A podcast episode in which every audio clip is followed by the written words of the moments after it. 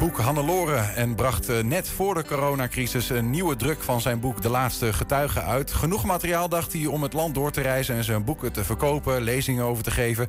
Maar in realiteit bleek dat anders. Door corona kwam Frank Kraken thuis te zitten. Hij besloot om zijn boeken alsnog bij de mensen te verkopen. En die campagne verliep zo goed dat het resulteerde in een tv-serie over Hannelore. Hebben we eerder over gesproken. En ook voor de laatste getuigen is er nu een uh, nieuw bijzonder hoofdstuk. Frank, goedemiddag. Goedemiddag. Um, je boek wordt opnieuw uitgegeven. Niet in één, niet in twee, niet in drie, maar in hoeveel talen? Nou, in uh, vijf talen. Maar bij elkaar in uh, dik 85 landen zal het straks verkrijgbaar zijn. In vijf talen en 85 landen? Ja. Uh, de Engelse uitgever die, heeft de wereldwijde rechten in de Engelse taal verworven, met uitzondering van Amerika. En vanuit het, de gemene bestgedachte, de Commonwealth van vroeger, hebben zij verkoopkantoren in uh, nou, een groot deel van die landen die daar destijds bij waren aangesloten. En nog een aantal andere landen waar ze dat ook voor hebben verworven. En dat alles bij elkaar um, maakt dat je aan 81 landen komt die zij um, geclaimd hebben op hun lijst. Nou, fijn dat je nog zo, zo humble bent gebleven dat je nog bij ons aan wil schuiven. Dan uh, zijn we je nou kwijt uh, straks als die corona voorbij is. Dat je dan in al die landen, zeg maar. Lezing aan het geven bent? Nou, misschien ben je mij wel kwijt, maar dat is meer omdat ik dan moet zoeken waar ik de Leeward en Windward Islands moet vinden. Want uh, die staat op die lijst en al sla je me dood. Ik heb echt geen idee. De Leeward en Windward Islands? Ja, ja ik computer voor me, hè? Nou, St. Lucia staat er ook op. Dat doet mij deugd, want daar kwam Mental, een van de hoofdpersonen van een vorig boek, vandaan. Maar ik zie ook de Turks en Caicos Islands en Dominica en uh, Bermuda, dat is wel leuk. De Cayman-eilanden. Dus, Hoe schrijf ik Leeward en Windward? Even Leeward, Leeward met dubbel E, L-E-E, Ward, Le Leeward en, uh, Windward Islands. Het ligt naast de Dominicaanse Republiek. Eigenlijk uh, net naast Puerto Rico. Uh, nou, als je me dan zoekt dus... over een jaar, dan... Zit hij met twee kokosnoten voor Caribische muziek. ja, ja, ja. Wordt nog wat. Maar gefeliciteerd, Frank. Ja, dankjewel. Super mooi nieuws. Is dit nou omdat de laatste getuige zo'n waanzinnig goed, mooi, bizar, bijzonder verhaal is? Of is jouw uitgever gewoon heel goed? Nou, ik, ik geef mijn eigen boeken uit. Dus in Nederland doe oh. ik het allemaal zelf en heb ik het zelf in de hand. Ja. Maar, um, kijk, zonder een uh, goed boek um, kom je niet zo ver. Dat is wel de basis. Maar zonder een hele goede literair agent kom je ook niet ver. En dat heb ik ervaren. Want tot maart vorig jaar zat ik bij een andere agent. En ja, die schopte eigenlijk geen deuk in een pakje boter. En ja, toen, toen ik thuis kwam te zitten vanwege corona... ben ik daar vol mee bezig gegaan. Uh, in gesprek geraakt um, met een andere agent. Dat is, moet je je voorstellen, een beetje een kruising tussen Rob Jansen en uh, Rayola. Zo he, de, om de vergelijking naar de voetbal te maken. Wie, is, wie is Rob Jansen? Rob Jansen is een uh, voetbalmakelaar. Oh, ja, en ja. Mino Rayola ook. Um, en zonder een goede voetbalmakelaar is het heel lastig voor een goede speler om uh, elders Um, op een ja, mooie plek bij een mooie club terecht te komen. Ja. Dat is in boekenwereld niet anders. Dus jouw, die agent die gaat voor jou met jouw boek op pad en die zegt: uh, uh, ja. Dit moeten jullie uitgeven. Of Pre, jullie... corona ging die er echt mee op pad, letterlijk. Nu is het allemaal online. Maar die heeft zijn contacten, die kent iedereen in de wereld. Die weet de mensen te interesseren. En het is... Naar wie gaat hij dan toe? Hoe werkt dat dan? Naar wie Naar gaat buitenlandse uitgevers. En nou. bij die buitenlandse uitgevers, daar zitten weer mensen die beslissen daarover. Uh, en uh, ja, die, uh, die kijken dan van, past dit binnen onze portefeuille? Zo moet je het eigenlijk zien. Is dit in ons portfolio van boeken die we volgend jaar gaan uitgeven? Zoeken we nog een oorlogsverhaal? Past ja. er nog iets tussen van een overlever? De, de, kosten die we daarvoor gaan maken, waarschijnlijk dan ook... kunnen we die wel eens terugwinnen met het uitgeven van het boek? Verkopen dat... we genoeg boeken uiteindelijk om die investering... want het moet vertaald worden. Hè, en dat betalen dan die buitenlandse uitgevers zelf. En op het moment dat je het in Engeland vertaalt... kijk, die Engelse uitgever, we noemden net die 81 landen... dus die kan daar wel de wereld mee over... Maar er zit ook een uh, uitgever bij uit Slovenië. De rechten zijn verkocht voor het Sloveense taalgebied. Nou, ik heb het even opgezocht. Er wonen 2 miljoen mensen.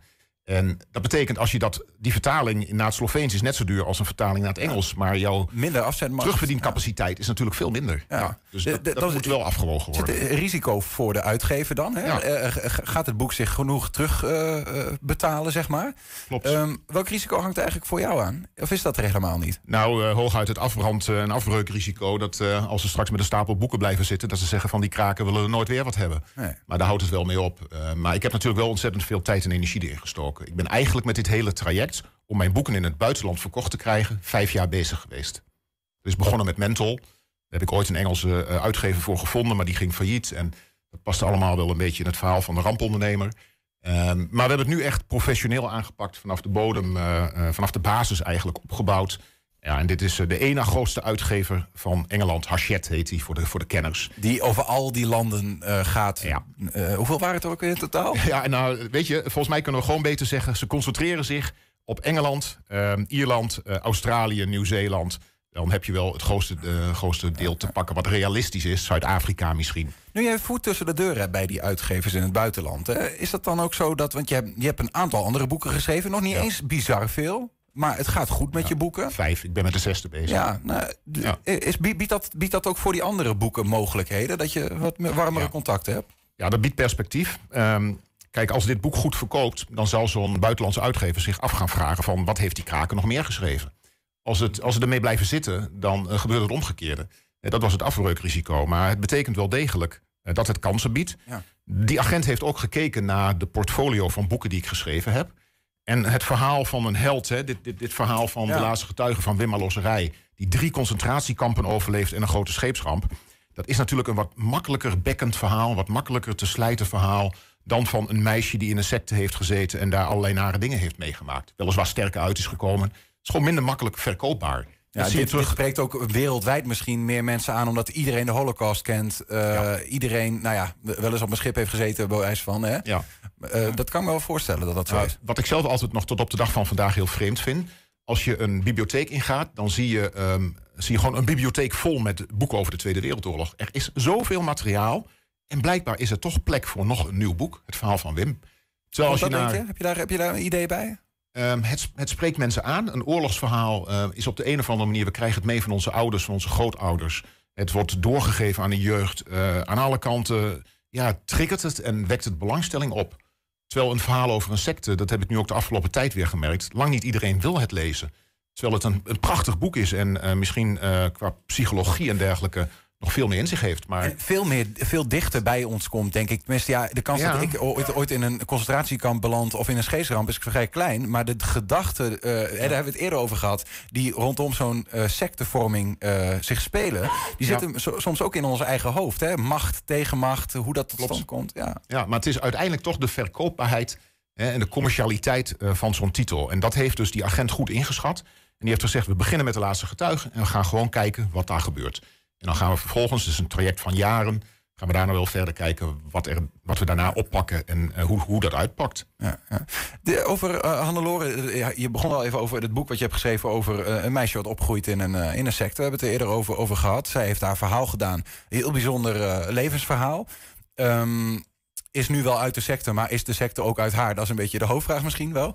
Die, daar komt een tv-serie van, hebben we het over gehad. Zitten daar alweer ontwikkelingen in? Um, ik heb toevallig begin van deze week de, uh, de grote man binnen de productiemaatschappij, uh, die het dus tot een tv-serie uh, gaat maken, aan de lijn gehad. Met hem gesproken. Ze zijn er vol mee bezig. ze hebben een regisseur, waarvan ik de naam nog niet mag vermelden, maar ehm, die heeft het boek gelezen. Die is enthousiast. dus dat, ehm, is het een bekende naam qua, in de Het is geen onbekende. Okay, het, is, okay, het is zeker niet de eerste klus waar hij of zij mee gaat werken, aan gaat werken. Um, en ze zijn nu aan het uh, bekijken van... ze hebben het boek allebei nog een keer gelezen. Het zit blijkbaar nu helemaal vol met van die memo-stickertjes. Want uh, de volgende slag is de vertaling van een boek... naar een um, zeg maar manuscript voor de film. Hè. Die film die moet natuurlijk uitgewerkt worden. Er moeten scènes in beschreven worden. Teksten in, uh, in vermeld worden. Nou, voordat je zover bent, dat is een hele vertaalslag... Ja. En dat is heel specialistisch werk. Ja, terwijl de voorwaarde was dat uh, de essentie van... er waren een aantal dingen die Hannelore ja, in wilde, wilde houden. Dus Zeker het res respect en, en, en het langzaam opbouwen. Hè, want je zit niet van vandaag op morgen in een secte. Dat moet er allemaal in tot uiting komen. En daar ben ik zelf ook bij betrokken. Uh, alleen dat is in de volgende fase. Dan zullen ze aan mij voorleggen uh, waar hun brainstorm toe heeft geleid. Maar dat is vol in ontwikkeling. tegelijkertijd ook dat is een langdurig proces. Dus ik denk dat 2023 dat dat reëel is. Of twee jaar. Je, je bent al, al, vijf jaar bezig met, met je boeken om ze ook eh, naar het buitenland te krijgen. Ook, ook, je hebt daar inmiddels al wat ervaring in. Maar word je nog wel eens wakker en dat je overvallen bent door je eigen succes? Nee, want het komt misschien omdat ik er zelf zo keihard voor moet knokken. Uh, ja, ja. Dat klinkt, klinkt misschien arrogant, zo bedoel ik het niet. Maar um, ik weet wat ik, wat ik ervoor heb gedaan en hoeveel bloed, zweet en tranen erin, erin zit. Mensen hebben soms een beetje een idyllisch beeld van het schrijven van een boek. En dan ga je waarschijnlijk s'nachts zitten met een wijntje erbij en dan krijg je inspiratie en dan schrijf je het op. Of andere mensen die denken Goh, je gaat even naast de hoofdpersoon zitten en je schrijft even mee. Mm. Nou, helaas, um, misschien wel gelukkig is dat niet het geval. Er zit ontzettend veel onderzoek in. Ik ben nu met een nieuw boek bezig. Daar heb ik straks twee jaar research in zitten voordat ik überhaupt kan beginnen met schrijven. Dat gaat met? Hannelore niet anders. Tipje van de sluier? Eh, het gaat weer over de Tweede Wereldoorlog. Oké. Dat is eh, een heel bijzonder onderwerp. Maar goed, eh, dat betekent er, er zit zoveel al achter de schermen eh, wa- wat er gebeurd is. En zoveel research in. eh, en zoveel moeite om uiteindelijk het onder de aandacht te krijgen bij de juiste buitenlandse uitgevers. Dat als het dan een keer lukt, is het natuurlijk, eh, ga je dwars door het plafond. Maar eh, tegelijkertijd, het komt niet aanwaaien. en ehm, ja, het is misschien wel eh, het gevolg van. eh, het laat zien, ehm, hard werken loont. Toch, tot slot dan Frank, die, die vraag. die, als je boek in zoveel landen straks wordt uitgebracht... dan ga- gaan mogelijk die uitgevers ook vragen... Hey, kun je voor ons helpen om het spul te verkopen? Dus om, is het een realistische gedachte dat je over een jaar, twee jaar... vooral in het buitenland zit? Nou, sterker nog, de Engelse uitgever heeft dat eh, contractueel afgedwongen dat ik beschikbaar ben voor promotionele activiteiten. Dan hebben ze één voordeel. Ik vind dat leuk om te doen. Ik doe het met heel veel plezier. En dat zie nou- ik ook, ja. maar wat is er nou mooi als je een boek hebt geschreven waar zoveel energie dan in zit? En het wordt in het buitenland uitgebracht en je mag daar naartoe. En je mag erover vertellen aan een publiek. Ja, hoe is jouw Engels dan? Of jouw, eh, jouw winwords en eh Ja, nog nou, wat Leeuwards? eh, De een zegt dat ik Twengels spreek en een ander zegt dat ik een heel naar Amerikaans accent in mijn Engels heb. Dat komt doordat ik ooit in een jeugdkamp in eh, New York State met kinderen uit de Bronx heb gewerkt. eh, toen ik nog heel jong was en dat, dat heeft het een beetje beïnvloed. Eh, maar goed, we- we- het gaat ook naar Italië en naar Frankrijk. En mijn Italiaans is nul. Mijn Frans is heel matig. dus dat zijn uitdagingen om over Hongarije en Slovenië maar niet te spreken. Dus Ja. dat zal toch wel in het Engels gaan. En we gaan zien wat er, wat er op me afkomt. Het is vooral ontzettend leuk om te doen en fantastisch om mee te maken. Good luck. Dankjewel. Frank Craig. Frank Raken was dat.